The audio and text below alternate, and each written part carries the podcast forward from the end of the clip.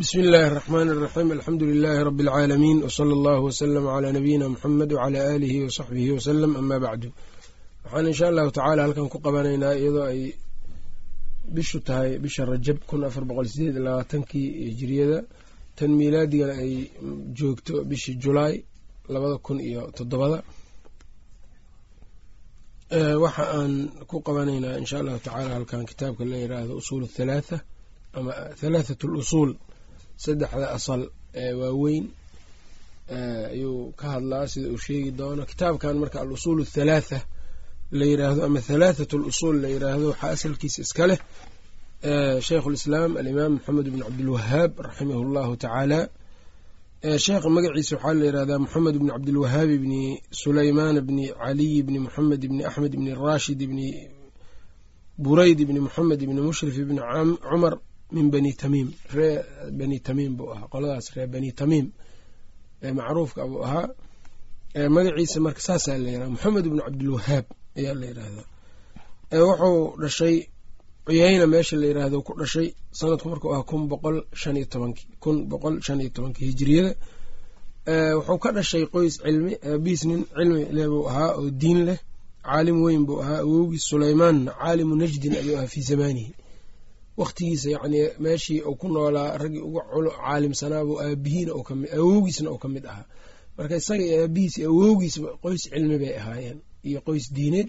Caruurta isaga oo dhalay laftirkoodana waa saasoo kale ahaayeen. Sheekh cabdullaahi iyo ragga marka cabdullahi bn maxamed ibn cabdilwahaab iyo ragga kale lamidka nacam iyo xasan ibni maxamed ibn cabdilwahaab iyo kuwa uu awowga u yahayna kutub badan bayba qoreen sida sheekh sulaymaan saaxibu taysiir alcasiiz alxamiidka iskale iyo sheekh cabdiraxmaan ibnu xasan fatxulmajiidka iskale ee sharaxa kitaabka awowgiis towxiidka kitaabu tawxiid oo sharxay.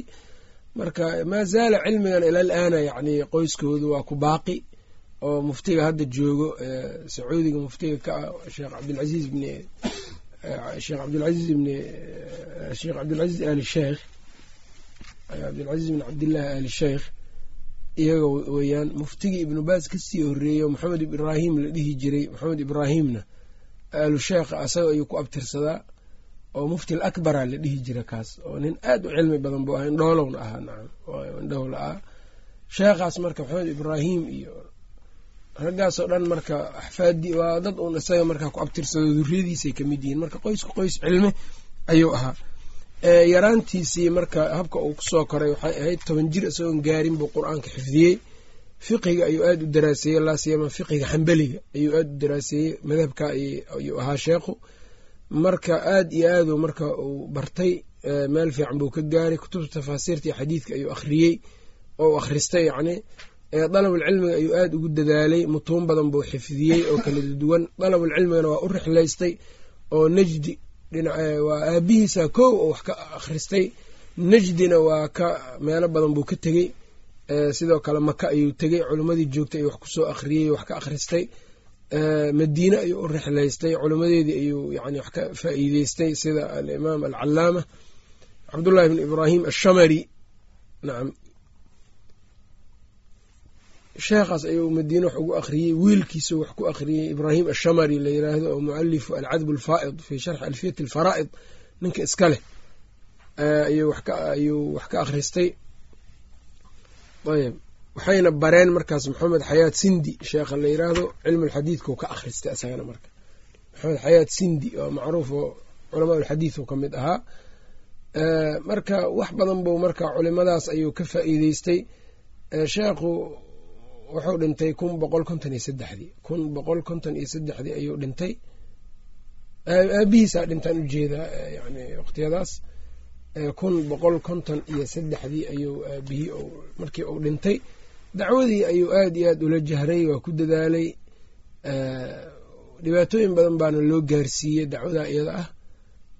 Waxyaabaha aada iyo aad marka sheekhu uu aada ugu dadaalay waxaa ka mid ah xaaladii siyaasiga ayadoo dadku ay markaa taagnaayeen aad bay u xumayd oo dowladdii cuhmaaniyada waa daciiftay markaas waxayna noqotay dowlad markaa iyagu madhabkan suufiyada iyo baatininimada iyo aad iyo aad u taageertay noqotay. Dacwadan marka dhinacan kahana qaaday oo tawxiidka ku dhisan oo kitaabka iyo sunnada in loo laabta ku dhisanna waxay u arkayeen diin cusub inay tahay. Filxaqiiqana sidaa ma ahayn xilligii sheekhu uu soo baxayey waxaa weeyaan dadku yacni waxay ahaayeen xaaladda diiniga ee markaas jirtay. Qofku inuu geedaha iska barakaysto godadka inuu barakaysto xataa dadka waalwaalan ayaa baraka laga ictiqaadi jiray. Dadka waalwaalan oon fayoobeyn xataa ayaa baraka laga ictiqaadin jiray.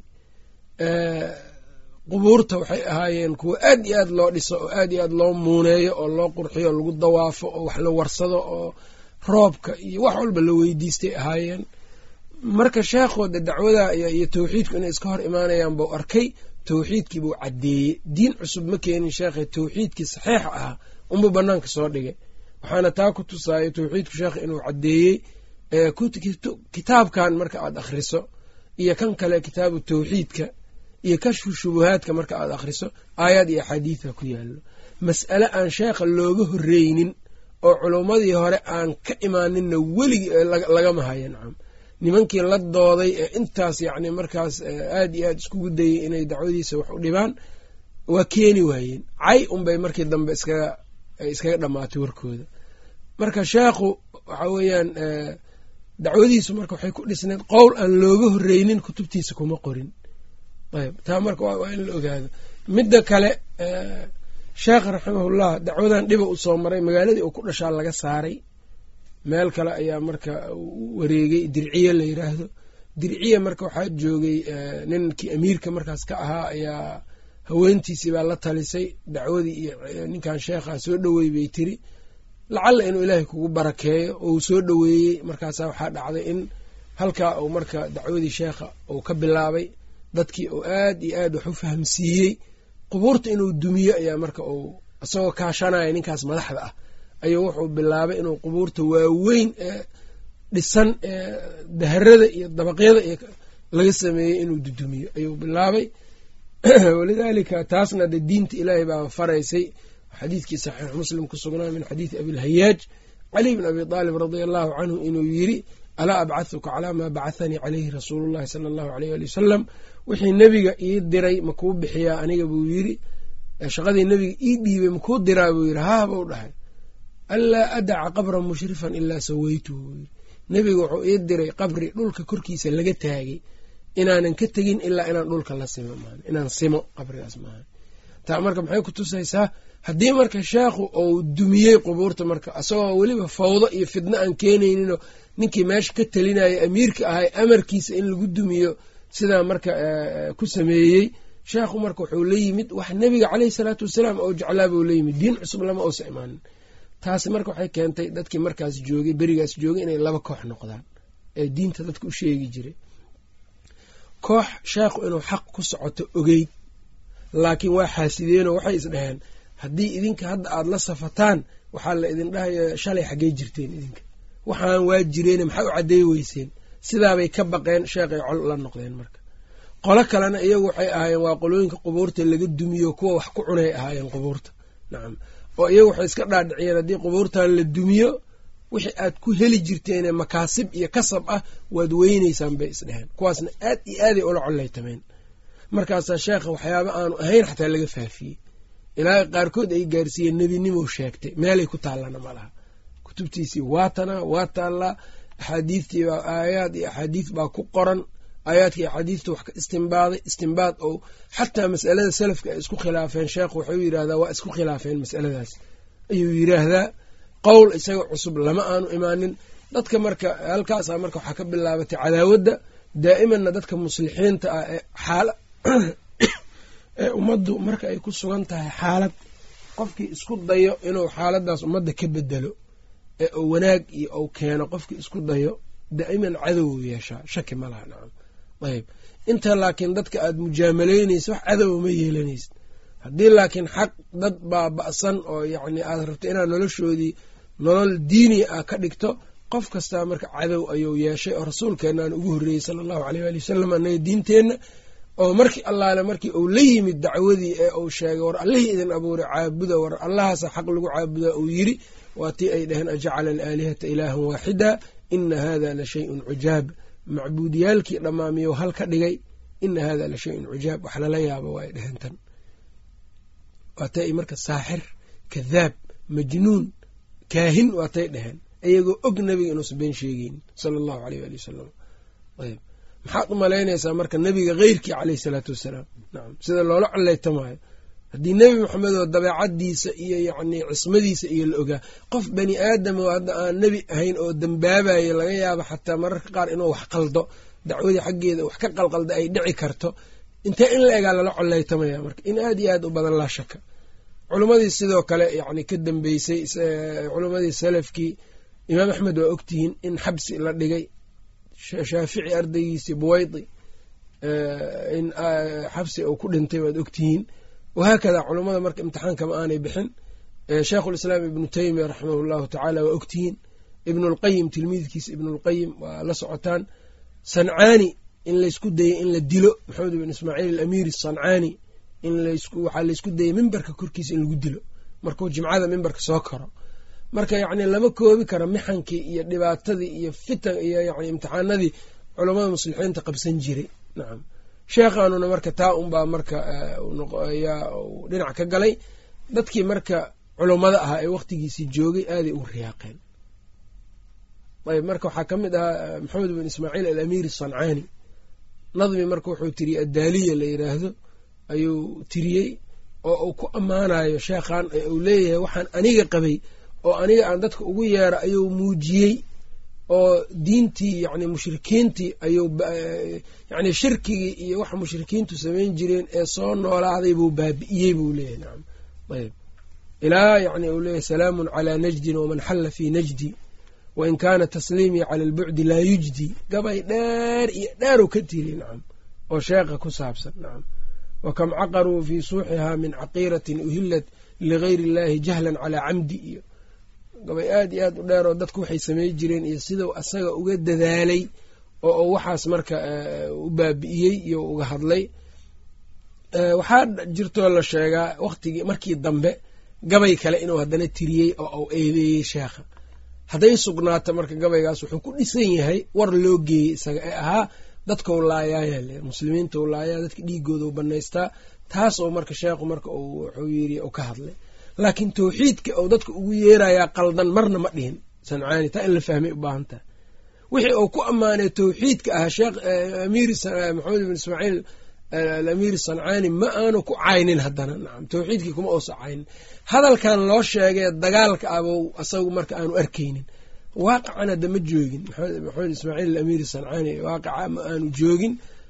Sheekhana dadkii uu la dagaalamayey marka waxaa weeyaan dad in lala dagaalo ay yani isagu marka ijtihaad ahaan ku arkayay ahaayeen sababtoo ah dad waxay ahaayeen tawxiidka meesha ka dilaacay ee laga faafinayay ka horjeeday ayay ahaayeen oo markaas shirki iyo yacni shirkiga u nusreynayay ayay ahaayeen oo binaan calaa dalika marka inuu marka ula dagaalay. Haddii aanay sugnaanin adamaba sugnaaninba hadalkaa loo sheegay laftirkiisana ada waxa ka jira oo ka runa iyo waxa ka been ah yaa in la ogaado u baahan. Nacam ilaa hadal loo sheega waa moogtaha raggii aad marka asaga u ammaanay waxaa ka mid ahaa meelo kala duwan ku soo qaadqaatay shawkani badru taalica sidoo kale maxamed bashiir asahsawaani oo isagana qoray kitaab la yidhaha siyaanat linsaan can waswasati sheikh daxlaan nin daxlaan la dhihi jiray ayaa kitaab yarow qoray oo layidhaha addurar usaniya fi ridda cala alwahaabiya. Marka shaaqii iyy waxay ka dhigeen dariiqadiisii yani habkii uu dadka dacwada ugu yeerayay iyo markay arkeen ay xasdeen ayay waxay yidhahdeen wahaabi qof kastoo madhabkaa qaatay. Yani waxaan u jeedaa qof kastoo islaaxaas iyo wanaagaas iyo ka shaqeynaya ilaa qaarkood yani dad jaahiliina la yiri war sidaan ibnu xajar baaba dhahaya ka waran markaasuu wuxuu yidhi ibnu xajar laftirkiisa waa wahaabi ibnu xajarna maxamed cabdulwahaab waa ka horreeyey si ay wahaabi u yahay markaayb ninkaa marka kitaab buu qoray waxyaaba iftiraa'aaduu ka buuxiyey marka oo sheekha kutubtiisaba aan laga helayninba anaa diinta bilaabay buu yidhi anaa kan yeelay anaa yacni dadkii muslimkau gaalaysiiyaa wuxuu sameeyaa. Hataad adiga gaalnimadii ku dhacday ood shirki la imaanayso adiga iyo mushrikiin alcarab yacni waxay samayn jireen haddaad samaynaysa shirki baa ku dhacday oo lagu dhahaya adaa meesha isligay hebel dadku gaalaysiiyaa ma aha macluum tan kale iyadana marka kitaabkaasu marka kitaabkaa yar marka uu qoray daxlaan addurar usaniya fi cala alwahaabiya ayaa wuxuu qoray sheekhan hindiga ah maxamed bashiir asahsawaani kitaab weyn buu ku radiyey layidhaha siyaanat linsaan can waswasati sheikh daxlaan wixiisa dhan ba waswaas buu ka dhigay nacam iyo waxaan macno ku fadhinin soo garan. Waxaa kaloo aad wax uga qoray maxamuud shukri alalusi oo ciraaq jooga caalimulciraaq ahay waqtigiisa. Aad iyo aad uu dacwadii sheekh u soo dhoweeyey wou jeclaystay wax badan buu yani taathiir xoog badan bay ku yeelatay dacwadan sheekh maxamed ibn cabdilwahaab caalamka islaamiga aaday u ta'hiirisay saameynay ku yeelatay cilmigii in la soo celiyo oo kitaabkii iyo sunnadii yacni weliba manbac laga dhigtay wax laga qaato ee tawxiidkii la nooleeyo khuraafada lala dagaalo meelo badan bay marka saameyn ku yeelatay masar oo kale dadkii aad ugu ta'asuray way badnaayeen axmed shaakir maxamuud shaakir cabdirasaaq cafiifi maxamed xaamid ilfiqi cabdiraxmaan ilwakiil. Rag badanaa ka mid ahay culimmadii masar wakhtiyadan dambe. Ilaa iyo dhulkan marka iyadana marka hindiya ahlu xadiidka hindiya sheekhan marka sahsawaanigan iyo mubaarak fuuriyiinta iyo dacwadaasay ku ta'asureen wahaakada dhulalka ciraaq maxamuud shukri alaluusi iyo yeman dacwadii marka showkani wixii ka dambeeyey ilaa iyo yacni manaadiqda yacni meelo fara badan ay marka saameyn xoogan ay ku yeelatay dacwadiisa. Kutubta ou qoray sheekh waxaa ka mid a kitaabkan alusuul athalaatha waxaa ka mid a kitaab tawxiid waxaa ka mid a kashfu shubahaad baa ka mid ah wahaakada iyo kutub kaloo fara badan sidoo kale sheekhu raximah llahu tacaala wuxuu dhintay sanadku marka waa kun laba boqol iyo lixdii ayuu dhintay kun laba boqol iyo lixdii marka dadka ahlu cilmiga ee kutubta qoray ee sheekha u tarjamay tarjamo fiican bay ka bixiyeen. Mushkilada laakiin waxay tahay dadka qaarkood dadkii muslimiinta waxay ka qoreen ma rabaane. Gaalada waxay ka qoreen bay rabaan. Nin ingiriis ah oo la dhihi jiray john humfrey john humfrey ayaa wuxuu qoray mudakiro yani buug yar buu qoray oo marka uga hadlaayo sheekha. Sheekh maxamed ibn cabdilwahaab buuggaas ninkaas ou qoray ayaa inta carabi loo bedelaa masaajida lagu dhex akhrisanaa nacam ilaahay muxuu yidhi ya ayuha aladiina aamanuu in jaakum faasiqun binaba'in fatabayanuu aw diinta ilaahay marka. Faasiq haddoo war idiin sheega hubsadaa la yidhi. Wax aadan hubin oo gaal sheegay see hiqa looga dhigaa gaalkii marka nacam soo wax layhabla ma ah marka calaa kulli xaal sheekha taariikhdou galay radiya man radiya wa sakhita man sakhit nacam taariikhdou galay qofkii raalli ku noqona ha ku noqdo qofkan ku noqonayninna yownan ku noqonin haddou doono ha ka caroodo. Nacam. Wa kafaa waxaana ugu filan sheekha sharaf dadka sheekha ka horjeeda dad diinle maba ahba agharkooda intaasaa sharaf ugu filan sheekh maxamed ibn cabdilwahaab raximahullah. Nacam. Ood arkaysa marka waxaa weeyaan in allaale inta tawxiidka iyo diinta necebay ka soo horjeedo noocay doonaan ha ahaadaan mujtamaca ha ka ahaadaan yaa neceb. Ku kasta oo gumaysi doon ah oo yacni gaalo raaca waxaad arkaysaa inuu markaa uu dacwadii sheekhaani uu markaa aanu jeclayn u neceb yahay.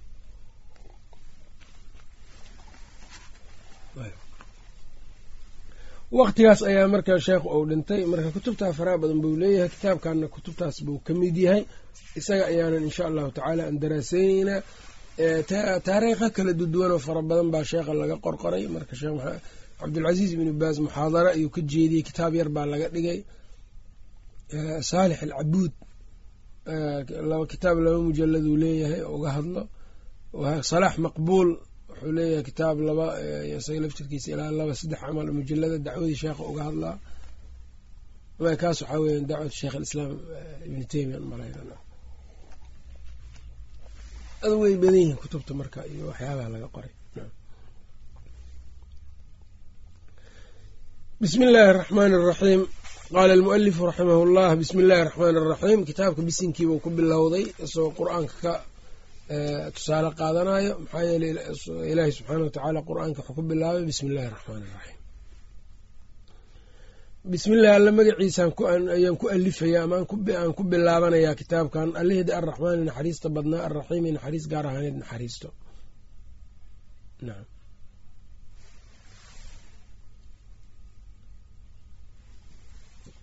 Allihda arraxmaani naxariista badnaa allihda alraxiimi naxariis gaar ahaaneed naxariisanaya sidaas baa la yiraahdaa alraxmaan waa magacyada alla gaarka oo ah weeyaan heyrkiis laguma sifeeyo. Raxmo waasica bay ka turjumay alraxmaan ilahay heyrkii laguma tilmaamo. Alraxmaan waa naxariis. Waasaca alla naxariisto. Ayb alraxiimna waxaa weyaan allana waa lagu idlaaqaa. Lagu mararka qaar waa lagu sheegaa. Marka macnaheeduna waxaa weeyaan allihii raxmadda dadka gaarto lahaa weeyaan alraxmaan marka waa sifa daatiya waa alla daat ahaan ugu sifeysanya waa naxariis badan yahay. Alraxiimna waxaa weyaan khalqigay naxariistiisu gaartaa oo khalqigiiba u naxariisanaya. Marka laleeya ilahay heyrkii araxiim waa lagu sheegi karaa macnaha waxaa weya nebigaaba lagu sheegay sal l slam oo allah subxaana wa tacaala wuxuu yiri bilmu'miniina rauufu raxiim ra'uufu raxiim iclam ogow buu yidhi raximaka allaahu allah kuu naxariistee ayb. Iclam ogow cilmigiibuu ku bila yacni yaqiini oo jasmi oo go'aan ha kaa ahaato ogow raximaka allahu allah kuu naxariistee annahu yajibu waxaa waajibaya calaynaa annaga korkeenna waxaa nagu waajibayo tacalumu arbaci masaa'ila afar mas'alo barashadood. Al uulaa mas'alada koowaad alcilmu weeyaan nacam tacalumu arbaci masaa'ila afar mas'alo ogaanshadooda al uulaa tan koowaad alcilmu cilmigii weeyaan wa huwa cilmiguna macrifatullaahi alle aqoonsashadiisa weeyaan alle in la aqoonsado wa macrifatu nebiyihi nebigiisa la garto wa macrifatu diini lislaami diinta islaamkana la garto maxaa lagu garanayaa marka bil adilati adiladiina in lagu garto ayb adilo in lagu garto sheekh wuxuu ku leeyahay waxaad ogaataa raximaka allah annahu yajibu calaynaa inuu nagu waajibayo annaga tacalumu arbaci masaa'il afar mas'alo ogaalkooda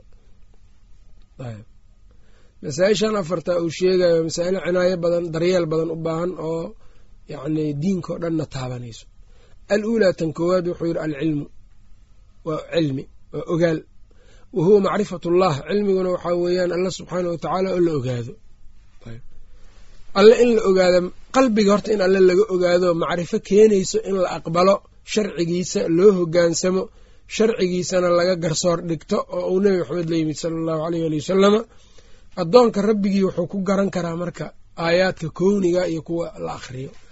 Aayadaha kowniga marka aan leenahay alle waa lagu garan karaayo waxaa ka mid a samada dhulka nafsadaada buuraha xayawaanka sida uu abuuran yahay waxyaabahaas oo dhan oo alla wuxuu yidhi wa fi l ardi aayaatun lilmuuqiniin dhulka waxaa ku sugan buu yidhi alla subxaana wa tacaala dhexdiisa aayado iyo mucjizaad tusaayo aayaad yani tusaa calaamado tusaayo jiritaanka alle subxaana wa tacaala iyo waxdaaniyada alleh yay ugu sugan tahay laakiin lilmuuqiniina kuwa wax yaqiininayo wa fii anfusikum naftiina dhexdeedana aayaad alla ku tusaaya ku sugan. Afalaa tubsiruun miyaydnan u jeedin buu yidhi alla subxana wa tacaala marka ilaah inaad aqoonsato wa macrifatu marka qur'aankiina ilaahay waa ku barayaa subxaana wa tacaala sababto wuxuu kugu hanuuninayaa wax walba oo alla subxaana wa tacala lagu aqoonsado. Kow marka alcilmu ogaal weeyaan wa huwa macrifatullahi cilmigaana waxaan ujeednaa alle in la garto. Waxaa kaloo alle lagu gartaa magacyadiisa wan wanaagsan iyo tilmaamihiisa. Wa macrifatu nabiyihi nebigiisa in la garto garasho keenayso inaad aqbasho waxa nebi maxamed la yimid sala allahu aleyh ali wasalama ood ku rumaynayso waxa uu kuu sheego awaamirta ou ku farana aad u hogaansamaysid wuxuu kaa reebana aad uga haraysid sharcigiisana aad raalli ku noqonaysid ood garsoor ka dhiganaysid. Nacam haddaada sidaa la imaanin iimaan ma aadan rumaynin. Falaa warabbika laa yu'minuuna xataa yuxakimuuka fima shajara baynahum huma laa yajiduu fii anfusihim xarajan mima qadayta wayusallimuu tasliima rabbi baan ku dhaartay allah isku dhaartay. Marka wuxuu leeyahay ma aanay rumaynin ilaa adiga waxa iyaga ka dhex dhaco ay adiga garsoore kaaga soo dhigtaan. Oo adiga ay kugu go'aan oo kadib marka aanay helin naftoodana aysan ka helin wax ciriiri iyo shaki waxa adiga a u xukunto. Wayusallimuu tasliiman ayna yacnii xukunka adiga ay kuu sallimaan ay kuu dhiibaan waxaa kaloo alla yidhi inamaa kaana qowla almu'miniina idaa ducuu ila allahi warasuulihi liyaxkuma baynahum an yaquuluu samicnaa wa atacnaa ulaaika hum almuflixuun isku soo duuba nebiga inaad garato macrifadaaduna inay ku dhex garashada nebiga aad garanayso inay ku dhexal siiso inaad nebiga rumayso diinta uu la yimid aad yani u xugun tagto oo aa markaa awaamirtiisa fartoonaato wuxuu kaa reebana ka harto. Wa macrifatu diini lislaami islaamka diinkiisa in la garto diinul islaam in la garto. Diinul islaamna waxaa weeyaan macnaha caamkaa in laga fahmo ko macnaha caamkaa waa maxay in alla keliya la caabudo. Laguna caabudo waxa uu jideeyey. Intaa inaa fahamsantaha lagaa rabaa. Qofkaan intaa fahamsanayn diinul islaam ma fahamsana. Soo ma garanin diinul islaam muxuu ku dhisan yahay an tacbud allaha waxdahu inaad alla keligii caabudid cidna aadan cibaadada igu darin wa an tacbuda bimaa sharac. Waxa uu jideeyeyna inaad ku caabudid alla subxaana wa tacaala intaa marka soo ma garanin. Ayb macnaha caamka marka waxaa weeyaan waa macnahaas waaye. Macnihiisa khaaskaana waxaa weeyaan tafaasiishii yacni shareecada iyo waxyaabahaas oo dhan iyay noqonaysaa nacam. Ayb macnihiisa marka khaaska bicithada marka nabiga la soo bixiyey sal ly slam kadib islaamka macnihiisa caamka waxaa weeyaan in alle la caabudo wuxuu jideeyey lagu caabudo marka allo in la caabudo waxa uu jideeyey yaa laga qaataa ambiyadaa laga qaataa nebiyaalka. Nebiyaalka oo dhan. Xilliga nebi kasta yani marka uu joogo dadkii dadka loo soo diro islaamnimada waxay ku soo gelayaan inay alla waxidaan nebigoodana ay adeecaan. Laakiin macnahaas waa macnaha caamka macnaha khaaska waxaa weeyaan markii nebi maxamed la soo bixiyey kadib sala allahu aleyh waali wasalama inaa ogaatid islaam qof inaanu ka ansixaynin ilaa inuu nebi maxamed rumeeyo mooyaane sala allahu aleyh waali wasalam ogaatidna diinta nebi maxamed uu la yimid inay nasakhday wixii ka horreeyey o dhan. Qofkan sidaa yeelin muslim ma aha. Waman yabtagii hayra alislaami diinan falan yuqbala minhu buu yiri qofka islaamka waxaan ahayn diin ka doono laga aqbali maayo. Ina addiina cinda allahi alislaam buu yiri diinka alla agtiisa waa ka islaamka un islaamka unbaa diin rasmi ah. Wahaakada haddaa marka adiga rumaysan tahay yacni diimaha kalena waa waa xaq. Tanna waa xaq. Islaamka macnihiisii khaaska ah uma aadan rumaynin muslimna ma tiid. Biladillati in lagu garto intaas adiladii in lagu garto adiladu waa wixii waxa adiga aad doonaysid kugu hanuuniyo.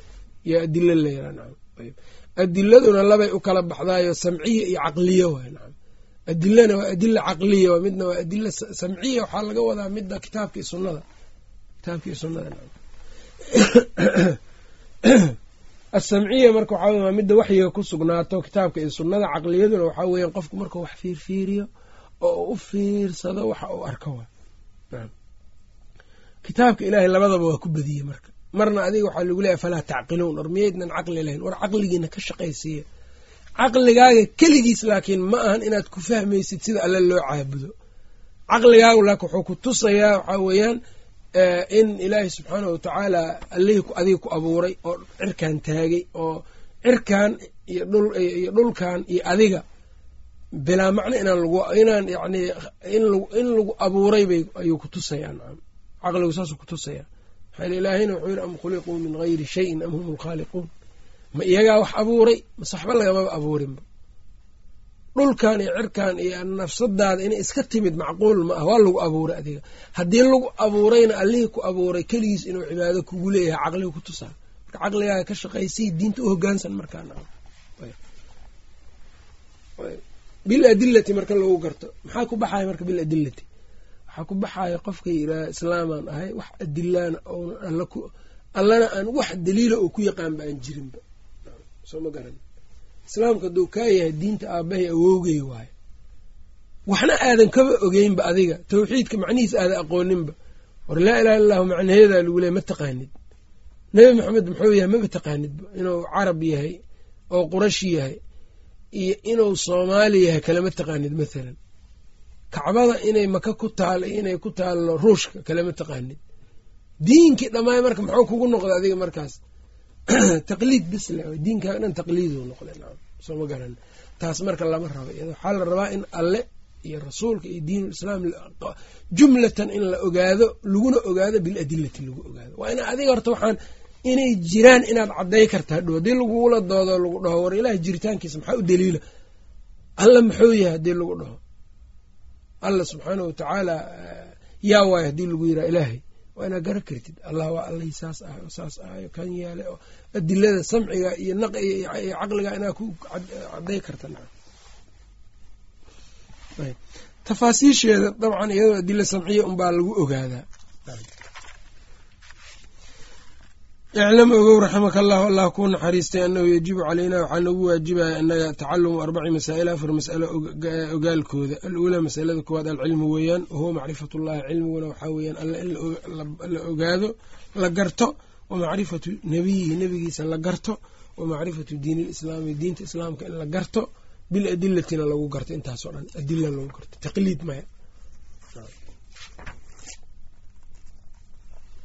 athaaniyatu masalada labaad waxa ay tahay alcamalu bihi alcamalu ku camalfal bihi lagu camal falo cilmigaas bihi bilcilmi lagu camal falo in cilmigii lagu camal falo maxaa yeelay camalku waxaa weeyaan garashada aad alla garatay diinta garatood nebiga garatay sal alla ly salam waa inay ku dhaxal siisaa camal fal camalkuna waa miraha cilmiga weeyaan qofkii camal la imaado cilmi la'aan waa qof dhumay qofkii isagoo wax og aan camal la imaaninna waxaa weeyaan allah u caroonaya subxaanahu watacaala siduu alla yidhi ihdina asiraata almustaqiim siraata aladiina ancamta calayhim gayri almaqduubi calayhim wala adaliin ayb marka cilmiga in camal fal ou la imaado ata'muruuna annaasa bilbiri watansawna anfusakum waantum tatluuna alkitaab afalaa tacqiluun? Saasuu yidhi allah subxaanahu watacaala athaalithatu masalada saddexaad waxaa weeyaan addacwatu ugu yeeris ileyhi kaa loogu yeero dadka cilmigaa iyo diinta in lagu camal falo dadki in loogu yeero. Waxaa rasuulka uu la yimid oo shareecada ah in dadka loogu yeero. Sidee loogu yeerayaa marka? Waano iyo xikmad. Udcu ilaa sabiili rabbika bilxikmati waalmawcidati alxasana ayb jidka rabbigaa dadka ugu yeer adoo xikmad ku dheehan. Mawcido wanaagsanna adoo ku dheehan. Wajaadilhum bilatii hiya axsan dood hadday timaadana xaalad wanaagsan kula dood sidaabaad ugu yeereysaa marka dadka. Nacam. Soo ma garanin. Dacwadan marka waxaa qasaba marka qofka dacwada bixinaayo inuu aqoon u leeyahay waxa uu dadka ugu yeerayo haddaanu aqoon u lahayn waxba dacwo ma sheegi kara waa kala horreeya waxaan. Alcilmu baa ugu horeeyo alcamalu bihi baa ku xigo addacwatu ileyhi baa ku xigto. Ayb. Taana marka waxaa ku tusaayo qul haadihi sabiilii adcuu ila allahi calaa basiiratin ana waman itabacanii wasubxaana allah wamaa ana min almushrikiin allah subxaanahu watacaala wuxuu yidhi waxaad tiraahdaa haadihi sabiilii tan waa jidkaygii adcuu ila allah dadkan alla ugu yeeraya cibaadada allaan dadka ugu wacaya. Dadka waxaan ugu yeerayaa inay allah subxaanahu watacaala ay caabudaan. Calaa basiiratinna ay ku caabudaan yaqiin iyo cilmi. Calaa basiiratin ay calaa yaqiinin wa cilmin yaqiin iyo cilmi inay ku caabudaan yaa caabudaayo ana waman itabacanii yaa dadka ugu yeerayo sidaas ana aniga iyo waman itabacanii iyo wixii iraaca dheh. Ana aniga iyo waman itabacanii wixii iraaco ee ah marka ummadiisa nabiga sala allahu aleyh ali wasalam ayb. Qul haadihi sabiilii adcuu ila allah calaa basiiratin ana waman itabacanii wa subxaana allah ilaahay baa nasahan oo ceebka saliin oo ceeb iyo nuqsaan ka hufan wamaa ana min almushrikiin mushrikiintana ka mid maahay aniga basiirada marka waa cilmi waxaa dadka ugu yeeraysid inaa hubtid adiga wax aada hubin dadka ma ugu yeeri kartid soo ma garanin dacwaduna waa majaal badan tahay waa meelaha dacwada lagu gutaa way badan yihiin dacwada waxaa lagu gutaa muxaadaraad waxaa lagu gutaa xaflado laysugu yimaado wax laga sheego dadka xaqa looga bayaaniyo dacwada waxaa lagu gutaa khudbada jumcada dacwada waxaa lagu gutaa sidoo kale maqaalaad meelo lagu qoro. Yani nasharaad inaad samaysid. Manshuuraad. Dacwada waxaa lagu gutaa sidoo kale xalaqaadka cilmiga lagu gutaa. Dacwada waxaa lagu gutaa kutub in la qoro. Waa noocyo badan tahay marka laakiin qofka waxaa laga rabaa dacwada inaanu dadka ku daalinin usluubka aanu u xumaynin xikmad inuu u isticmaalo asalku macnaha marka waxaa weya waa sidaa dacwadana waa shaqadii ilaahay rususha oo u soo diray. Ajarkeeduna aad iyo aad ba u weyn yahay. Walidaalika rasuulka sala allahu aleyh ali wasalam cali bn abi aalib waatii uu ku yidhi laan yahdiya allaahu bika rajula waaxida khayrun laka min xumri nacam. Hal nin inuu adiga sababtaa ilaahay ku soo hanuuniyo yaa geela kiisa cascas kaaga qiimo badan. Dacwadu marka aad iyo aaday muhiim u tahay waman axsanu qawla miman dacaa ila allahi wa camila saalixan wa qaala inanii min almuslimiin yaa ka oraah wanaagsan xagga oraahda yaa uga wanaagsan qofkii dadka alla ugu yeero camal wanaagsan la yimaado wa qaala inanii min almuslimiinna dhaho muslimiintan ka mid ahayna yiri yaa qofkaa ka wanaagsan marka dacwadu ummaddan waxa ay ku khayr badatay waa dacwada kuntum khayra ummatin ukhrijat linnaas waxaad ahaateen yacnii ummad tan ugu khayrka badan oo dadka loo soo bixiyey. Ta'muruuna bilmacruufi wa tanhawna cani ilmunkar macruufkaad fartaan munkarka ayaad joojisaan oo reebtaan. Waa dacwadii weeyaan. Marka dacwadii macaanidaas faraha badan bay leedahay. Oo marka qofku inuu dacwadii saa u dareensanaado ayaa la rabaa. Usuusha dacwadana marka waxaa weeyaan dadka in alla loogu yeero. Maaha inaad naftaada ugu yeertid dadka. Xisbigaaga inaad ugu yeertid ma aha fikir adiga aa wadato kuu gaara inaad dadka ugu yeerta ma aha. Qabiilka adiga aa ka dhalatay dadka inaad ugu yeertid ma aha. Dacwada marka maxay ku salaysnaanaysaa awalan allah subxaana wa tacala dadka in loogu yeero. Qul haadihi sabiilii adcuu ila allah. Dadkan alla ugu yeera anaa isugu yeeraya ma dhihin rasuulka sala allahu aleyh ali wasalam adcuu ila allah. Asxaabu rasuulillahi markay dadka u tagaan oo ay dhambaalka nebiga ka sidaan ama dacwadii nebiga marka ay xambaarsan yihiin maxaa dadka ugu yeereysaan markii la weydiiye waxay dhihi jireen dadka waxaan ugu yeereynaa waxay dhihi jireen inay alla subxaanah wa tacaala caabudaan. Oo waxay dhihi jireen nukhriju annaasa dadka waxaan ka bixinaynaa ka saaraynaa min cibaadati alcibaad ilaa cibaadati rabbi alcibaad. Is-addoonsiga dadka ay is-addoonsanayaanaan ka saaraynaa allihii abuurtay oo lahaa inay addoon u noqdaanaanna u saaraynaa bay dhihi jireen hadafku marka inuu cad yahay dacwada laga leeyahay. Qofku inuu isaga dadka iskugu yeero daraje iyo mansab iyo markau gaaray madaxtinimona ou jaranjaro kale ka dhigto iska tuuro. Lama rabo. Jaranjaradii uu ku soo koraayey markuu meeshii korena oo iska laado lama rabo. Nacam. Taasoo kale. Koox inuu dadka ugu yeero kooxdaada ha wanaagsanaatana lama rabo. Dadka qaarkood hadday kooxdoodu ay iska banjaraan oo ay suuqa ka baxaan. Waxaa laga yaabaa dacwada inay iska dhaafaan. Kuwaasoo kale awalba waxay ugu jireen dacwada koox ma fiicna taas marka. Adcuu ila allah dadkan alla ugu yeeraya calaa basiiratin. Dacwada waxaa kaloo la rabaa in cilmi ay ku dhisan tahay. Dacwo jahli ku dhisan ducaad dad juhaala ma noqon karaan. Maxaa yeele waxaa la yidhaahdaa faaqidu shayi faaqidu shayi laa yuctiih. Shaygu adiga haddaad la-dahay ood weysan tahay dad ma sii kartid. Soo ma garanin maanta adiga haddaad waxba haysanin waxba siin kartid. Soomaaliduna maxay ku maamahaan laba qaawan isma qaaday dhahan jaahilku isaga waxaa weeyaan haddii uu jaahil yahay de qof waxba kama saari karo jahli kama bixi karo isagii baaba jaahil ama ogtaha ayb marka dacwaadka ay u taagan yihiin iyaguna dadka aan aqoonta lahaynoo wax ay sheegayaan iyo waxa nebiga ka sugnaaday iyo waxaan ka sugnayn iyo aan ma fiicno shayga aad sheegaysid inaad taqaan baana muhiim waxyaaba dadku waa ognahay yani dadkao dhan ay wada sheegi karaan baa jira. Mathalan qofkaan salaada tukanin war ilaahay ka cabso salaada tuko mid khamro cabayo aragto war ilaahay ka cabso khamrada waa xaaraan waa dhihi kartaa taas. Laakiin dacwada iyo usluubkeeda ayaan ka hadlaa cilmina melihi usuul iyo usluub dacwo adiga markaas kuuma taalla iska daa faraha ka qaad ana waman itabacanii yaa dacwada wadaaya marka muslimiinta oo dhan xil baa ka saaran waa fardu kifaaya qeyb muslimiinta kamida waa inay u taagan tahay dacwada.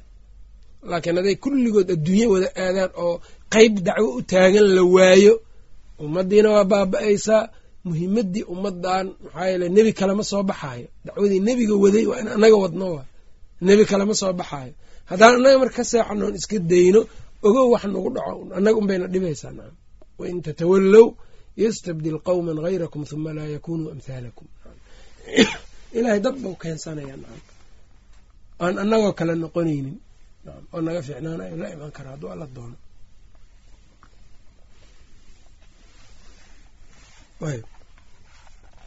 Waxaa kaloo dacwada usuusheeda kamida ana waman itabacanii wa subxaana allah wamaa ana min almushrikiin. Ilaahay in shirki iyo ceeb iyo nuqsaan oo dhan laga hufo iyo wamaa ana min almushrikiin mushrikiinta in laga beri noqdo mushrikiinta iyo adiga inaydnaan isku dhex qasmin waa inaad ka beri noqoto nacam sida aayaddu ay leedahay waa kaasa nacam taasi marka iyadana waxaa weeye waa dacwadii alraabicatu masalada afaraad waxa uu yidhi alsabru sabr weeyaan. Cala aladaa dhib lagu sabro fiihi. Dacwada dhexdeeda kaa soo gaarayo masalada afaraad waa in dacwadii lagu sabro marka. Marka adii cilmigii baratay ku camal fasho dadka ugu yeertid u yeeristaas marka waxaa ka imaanayo dhib dadku isku wada caqli ma aha. Midna waa iska fudud yahay. Mid waxaa weye waa nin degan oo wax dhegeysanayo nin wuxuu u baahan yahay xoogaa in lala dooda oo xujo la tuso. Waa ku dhibtoonaysaa markaas. Mid waa ku caayina mid waa ku dilaya nacam. Mid inta ku qabto xabsi ku gelina nacam. Waxaasoo dhan marka sabra lagu waajihi karaa. Walidaalika luqmaan markuu alle ka sheekeynaya muxuu yidhi yaa bunaya aqimi asalaata waamur bilmacruufi wanha cani ilmunkari wasbir calaa maa asaabaka sooma kasin? Wiilkeygiioo salaada og. Yaa bunaya aqimi asalaata waamur bilmacruufi macruufka far wanha cani ilmunkari munkarka reeb. Wasbir calaa maa asaabaka wixii kuu asiibana ku sabar. Wixii ku asiibana ku sabar. Sabarku marka waa saddex darajo. Daacada ilaahay oo lagu sabro macsida oo laga sabro qadarka oo lagu sabro qadarka marka waa laba dhinac ayuu ka imaanayaa marka sabarka qadarka. Qaybna waa wax toos alle uu kugu keenay oo sabab bani aadam aanu uusa ku lahayn kawa sahlan yahay sabarkiisa jiraa kugu dhacday cid kuu keenta male waa iska sabri kartaa kan laakiin hadda sheekhuna uu ka hadlayo waxaa weeyaan waa musiibo adiga kugu dhacayso. Bani aadamha sabab u ah laakiin qofka bani aadamka waxaan ogsoonaya waxuu jecel yahay inuu aarsado inaan laga adkaanin inuu sutiga u hayo wax walba saasuu jecel yahay. Marka hadda dacwadii meydaankeedii iyo haddaad soo gashay yani goobtii dacwada mid baa ku dhibaya adiga kula mid ah. Marka waxay u baahan tahay marka inaad u sabarto. Sabarka noocaas marka culimmadu waxay dhahaan caaqibadiisa dambe nasriga keena iyo gargaar. Iskaga sabarto. Walidaalika nabiga sal ll ly slam wuxuu ka sheekeeyey nebi dadkiisu ay garaaceen oo ay dileen oo ay ka dhiigeeyeen buu ka sheekeeyey isaguna uu dhiigga wejigiisa ka masaxay o dhahay allahuma akfir liqowmii fa inahum laa yaclamuun. Ilaahu qowmkayga u dhaaf ha u ciqaabin yacni arrintan. Waxba ma oga ayaga hadday wax ogaan lahayn saan ma yeeleen nebigana waa u dhacday arrintaasoo kale wou sameeyey sala allahu aleyh ali wasalam soo ma sabarku marka qaybtaas gargaarka iyo nasriga markaasuu kuu imaanaya. Laakiin haddii aadan sabrin walidaalika rasuulkaana sala allahu aleyh ali wasalam sabarkii uu muujiyey waa ka faa'iiday. Laa shaka sabarkii uu muujiyey wuu ka faa'iidey alraabicatu midda afaraad asabru sabr weeyaan cala al adaa dhib lagu sabro fiihi dacwada dhexdeeda. Waddaliilu arrintaa marka maxaa u daliila? Waddaliilu qowluhu tacaala weeyaan daliilku walcasri waqtigan ku dhaartay zamanka walcasri casarkan ku dhaartay. Labadaba waa la dhahaa. Ina alinsaana insaanka la fii khusrin khasaare ayuu ku dhex yaallaa oo ku dhex sugan yahay. Ina alinsaana ashaan marka waa jinsiyo waay insaanoo dhan jinsiga insaan la yiraahdo khasaare ayuu dhexda ka yaallaa. Ila aladiina kuwii mooyaane aamanuu rumeeyey wa camiluu sameeyey alsaalixaati acmaasha susuuban watawaasow dardaarmay bilxaqi xaqa isu dardaarmay watawaasow isu dardaarmay bisabri isku dardaarmay sabrka. Ayb waalcasri ina alinsaana lafii khusrin insaankii khasaaro ku jira yaa ka baxay khasaaradana afartii hadda aan sheegnay qofkii laga helo. Ila aladiina aamanuu waa iimaanku asal maxaa u ah cilmiga asal u ah. Hadaad waxba ogeyn saa wax u rumayn kartaa waxaad aqoonin ma rumayn kartid mogta iimaanka waxaa asal u ah cilmiga iyo tasdiiqii cilmigu tasdiiqu cilmigu ka daba imaana dabcan. Cilmigii tasdiiqii qaraarkii waa kaa wa camilu asaalixaati acmaasha suusuubanna la yimid oo shaqeeyey waa alcamal tii uu soo yiri wa tawaasaw bilxaqi xaqa isu dardaarmay. Xaqoo la isu dardaarma waa maxay? Addacwatu ileyhi weyan cilmigoo dadka diintoo dadka loogu yeero. Wa tawaasaw bisabrina waa asabru cala aladaa midii ugu dambeeyu sheegay waay halkan suurada yar baa laga faa'iideysanaya intaaso dhan. Tawaasaw bisabr qaala shaaficiyu imaamu shaafici maxamed bnu idriis ashaafici raximah llah waxa uu yidhi low maa anzala allaahu allah haddaanu soo dejin lahayn xujatan xujo calaa khalqihi makhluuqiisa korkooda haddaanu xujo ku soo dejin lahayn ilaa haadihi suurata suuraddan mooyaane lakafathum way ku filnaan lahayd wax kale hadduuse ilaahay soo dejin lahayn suuraddan mooyaane dadka xujo waa ugu filnaa lahayd yani adiga marmarsiyada iyo qiilkaaga. Kulli waxaa baabi'inaya suuraddan bis. Halkan suurad hadduu ilaahay soo deji yacnii haddaan wax kale ilaahay soo dejiyen suuraddan mooyaane iyadaa waxay ahaan lahayd oo ku filnaan lahayd xujo ugu filnaa lahayd dadka. Wa qaala albukhaariyu raximahullah. Imaamu albukhaarina wuxuu yidhi baabun ay haadaa kani baabun baab weeyaan buu dhahay. Alcilmu cilmigu qabla alqowli waalcamal hadalka iyo camalfalka wuu ka horreeya alcilmu cilmigu qabla alqowli waalcamal buu ahaaday qowlka iyo camalku ka horreeya qowl ilaahay lagu caabudo inta aadan la imaanin horta waxaan allama lagu caabudo ama sameey inaa ogaataa ka horeyso camal inta aadan iska samaynin war kan shareecadu ma ogoshahay nebigii ma la yimid baa ka horreeya soo ma garanin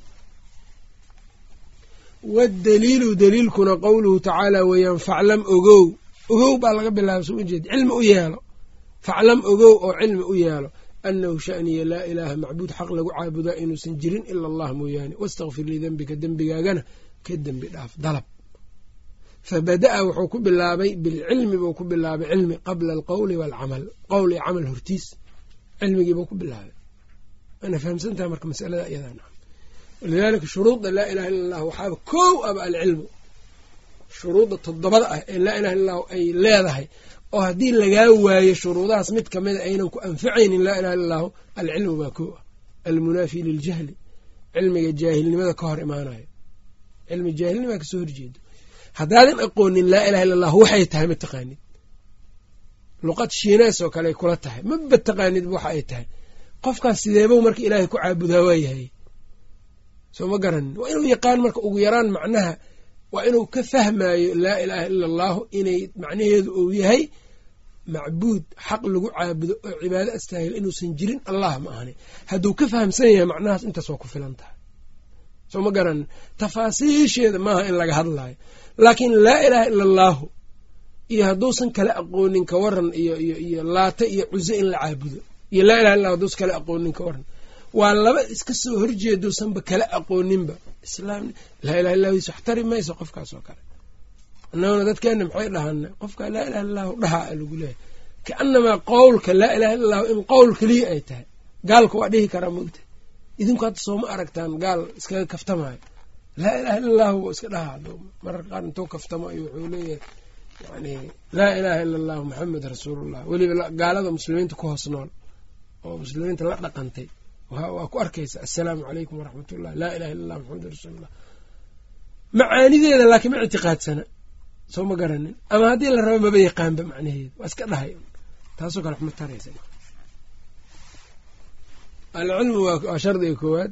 Shardiga labaad laa ilaha illah waa maxay? Waxaa weeyaan alyaqiin inuu hubo. Waxaan inaa yaqiinsan tahay yaqiinta maxaa ka soo horjeeda shaki baa ka soo horjeeda.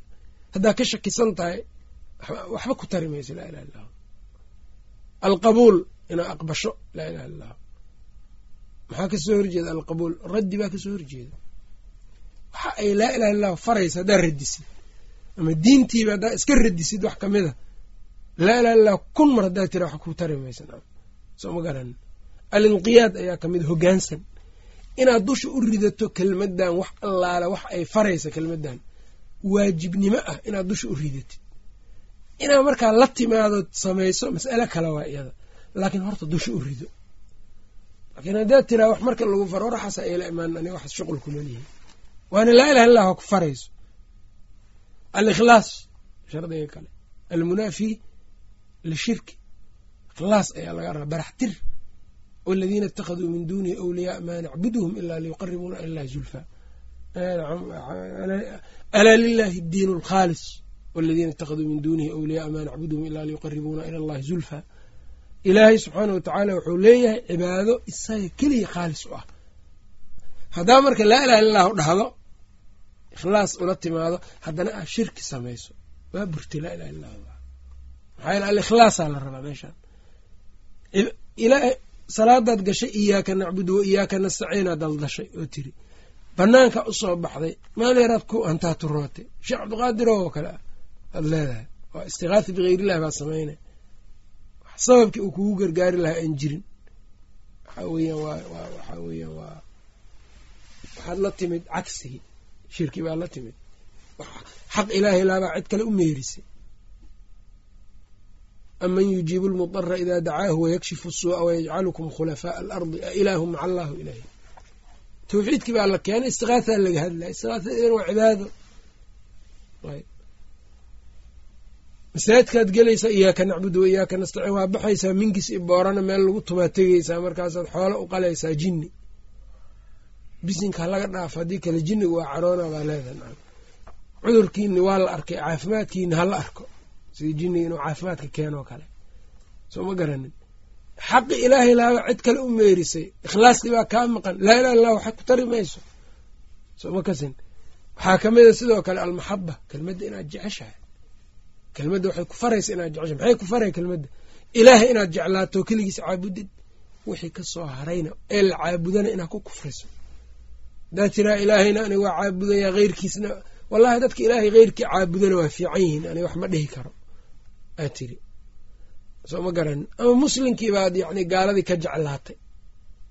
Soo ma garanin.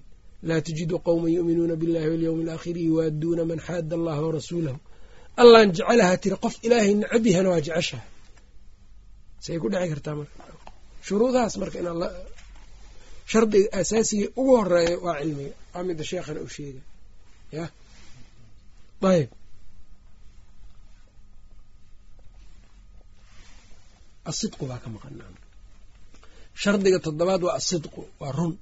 Kelmad inaa run ay kaa tahay. Maxaa ku baxaa been. Munaafiqiintu laa ilaha illahu bay dhahayaan laakiin beenay ka tahay wamin annaasi man yaquulu aamanaa billahi wabilyowmi alaakhiri wama hum bimu'miniin yukhaadicuuna allahu aladiina aamanuu maa yakdacuuna ilaa anfusahum wamaa yashcuruun fii quluubihim maradun fazaadahum allahu marada walahum cadaabun aliimun bima kaanuu yakdibuuna been lowyaal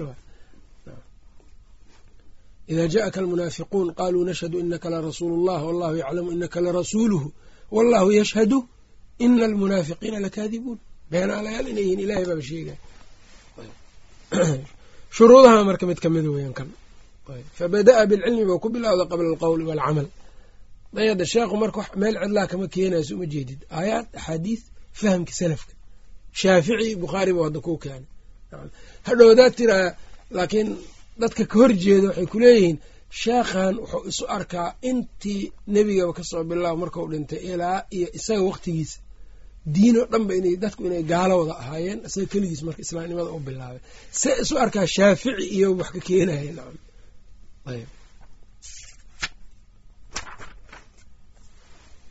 iclam ogow raximaka allah allah kuu naxariistay. Intaa markuu kaasoo dhaadhiciyo wuxuu ku yidhi anahu yajibu calaa kulli muslimin muslim kastaa korkiisa waxaa ku waajiba wa muslimatin iyo haweeni kasta oo muslimada korkeeda waxaa waajib ku ah nacam waxaa waajib ku ah tacalumu halaathi hadihi almasaa'ili masaa-ishan saddexda ogaanshadooda waajib ku ah.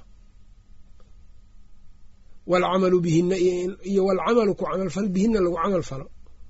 Masaaishan alulaa nacam. Ayb iclam ogow raximaka allahu anahu yajibu anahu shani yajibu waxaa ku waajibaya calaa kuli muslimin wa muslimatin.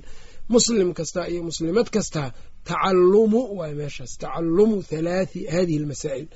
Saddexdan mas'alo soo socota barashadeeda iyo walcamalu bihina iyo ku camalfalkooda aluulaa mas'alada koowaad marka waxay tahay ana allaha khalaqanaa alla inuuna abuuray.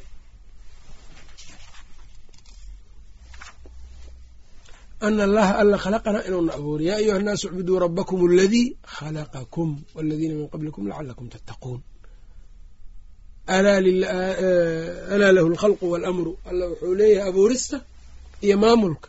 Uddaa labadooda marka abuuristana uddaa isaga saa ugu daysa abuuristana maamulkana uddaa nacam. Xeer iyo iyo waxaa kala jira hadhow hadhihin iyo diin. Xeer iyo shareeca kala jirto maxay isdhaamaan xeerna waa hab lagu noolaada shareecadiina waa hab nololeed ba waxba isma dhaamaan mogta labadaba ilaaha iskale subxaana watacala adu waxaa leedahay meel addoonaa tahay soo ma garan aluulaa tan hore ana allaha alla khalaqanaa wauna abuuray warasaqanaa alla waana arsuqay subxaanahu watacaala inuuna arsuqana ogow alla wuxuu yidhi wamaa khalaqtu ljina walinsa ilaa liyacbuduun maa uriidu minhum min risqin wamaa uriidu an yuطcimuun ina allaha huwa arazaaqu du lquwati almatiin. Wuxuu kuu sheegaa sheekh wuxuu kuu sheegaa haddii mar alla uu ku abuurayo ku arsuqo hadhow inaad keligiisa caabudidba inay waajib kugu tahay inaa ogaatid. Walidaalika nabiyullaahi ibraahim dadkiisa markuu waaninayo muxuu ku waaniyena alle allah idin abuuro risqiga idin siiya caabuduu yidhi wax kale haddaba ordinine. Waibraahiima id qaala liqowmihi icbudu llaha waataquuhu dalikum khayrun lakum in kuntum taclamuun. Markaasuu yidhi inamaa tacbuduuna min duuni illahi awthaanan. Asnaamaa caabudaysaan yidhi ilahay sokadiisa qoryo iyo dhagaxyo. Wa takhluquuna ifkan been abuuradna waa abuuranaysaan. Been baad abuuranaysaan. Ina aladiina tacbuduuna min duuni illahi kuwa aa caabudaysaan ilaahay sokadiisa laa yamlikuuna lakum risqan risqi idinma hananayaan yidhi. Ee fabtaquu cinda allaahi risqa ilaahay risqi ka doona wacbuduuhu caabuda washkuruu lahu ilayhi turjacuun. Kuna shukriya isagaa laidiin celinaa hadhowna warasaqanaa alla inuuna arsuqay intaa markaa ogaata alla inuuna abuurowna barbaarinayo na arsuqaayo walam yatruknaa nagama tegin hamalan. Baagamuuda noogama uusa tegin. Hamalan macnaha waxaa weyan cidlo shaqo la'aan ilaahay noogama uusa tegin. Walam yatruknaa noogama uusan tegin hamalan yacnii shaqo la'aan. Bal arsala ilaynaa wuxuu noo soo diray rasuulan rasuul buu noo soo diray. De ilaahay subxaana wa tacaala ceer ceer iyo baagamuudo iyo shaqala-aan noogama tegino. Afa xasibtum anamaa khalaqnaakum cabathan u ilaah yiri ma waxaad moodeen inaan dheel idiin abuurnay.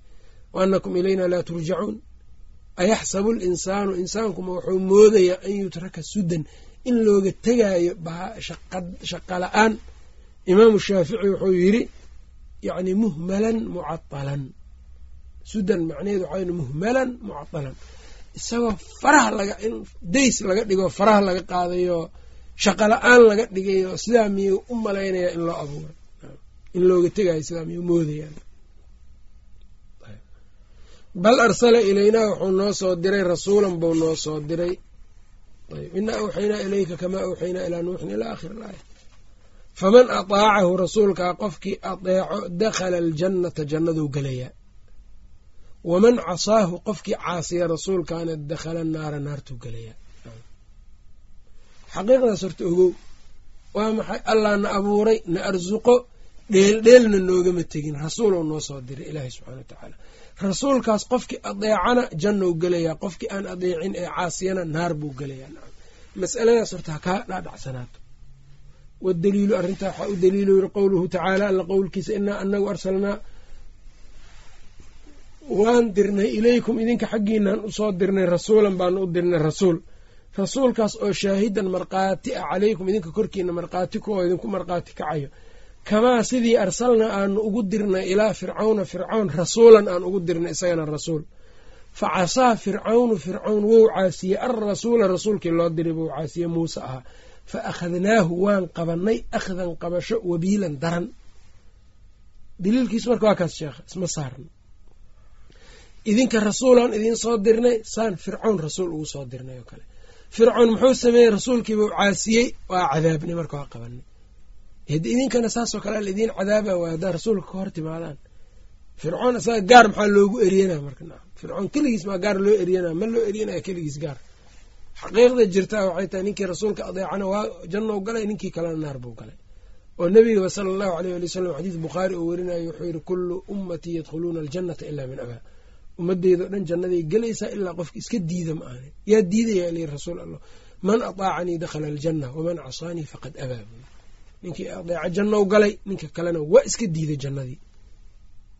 Ayb masalada marka waa masalada koowaad waay nacam inaad ogaatid adiga dheeldheel inaan lagu abuurin. Masaladan marka masale aad iyo aad muhiim u ah waay umamka aan yacni ilaahay subxaana wa tacaala iimaanka uusa siininna ma fahamsana arrintan.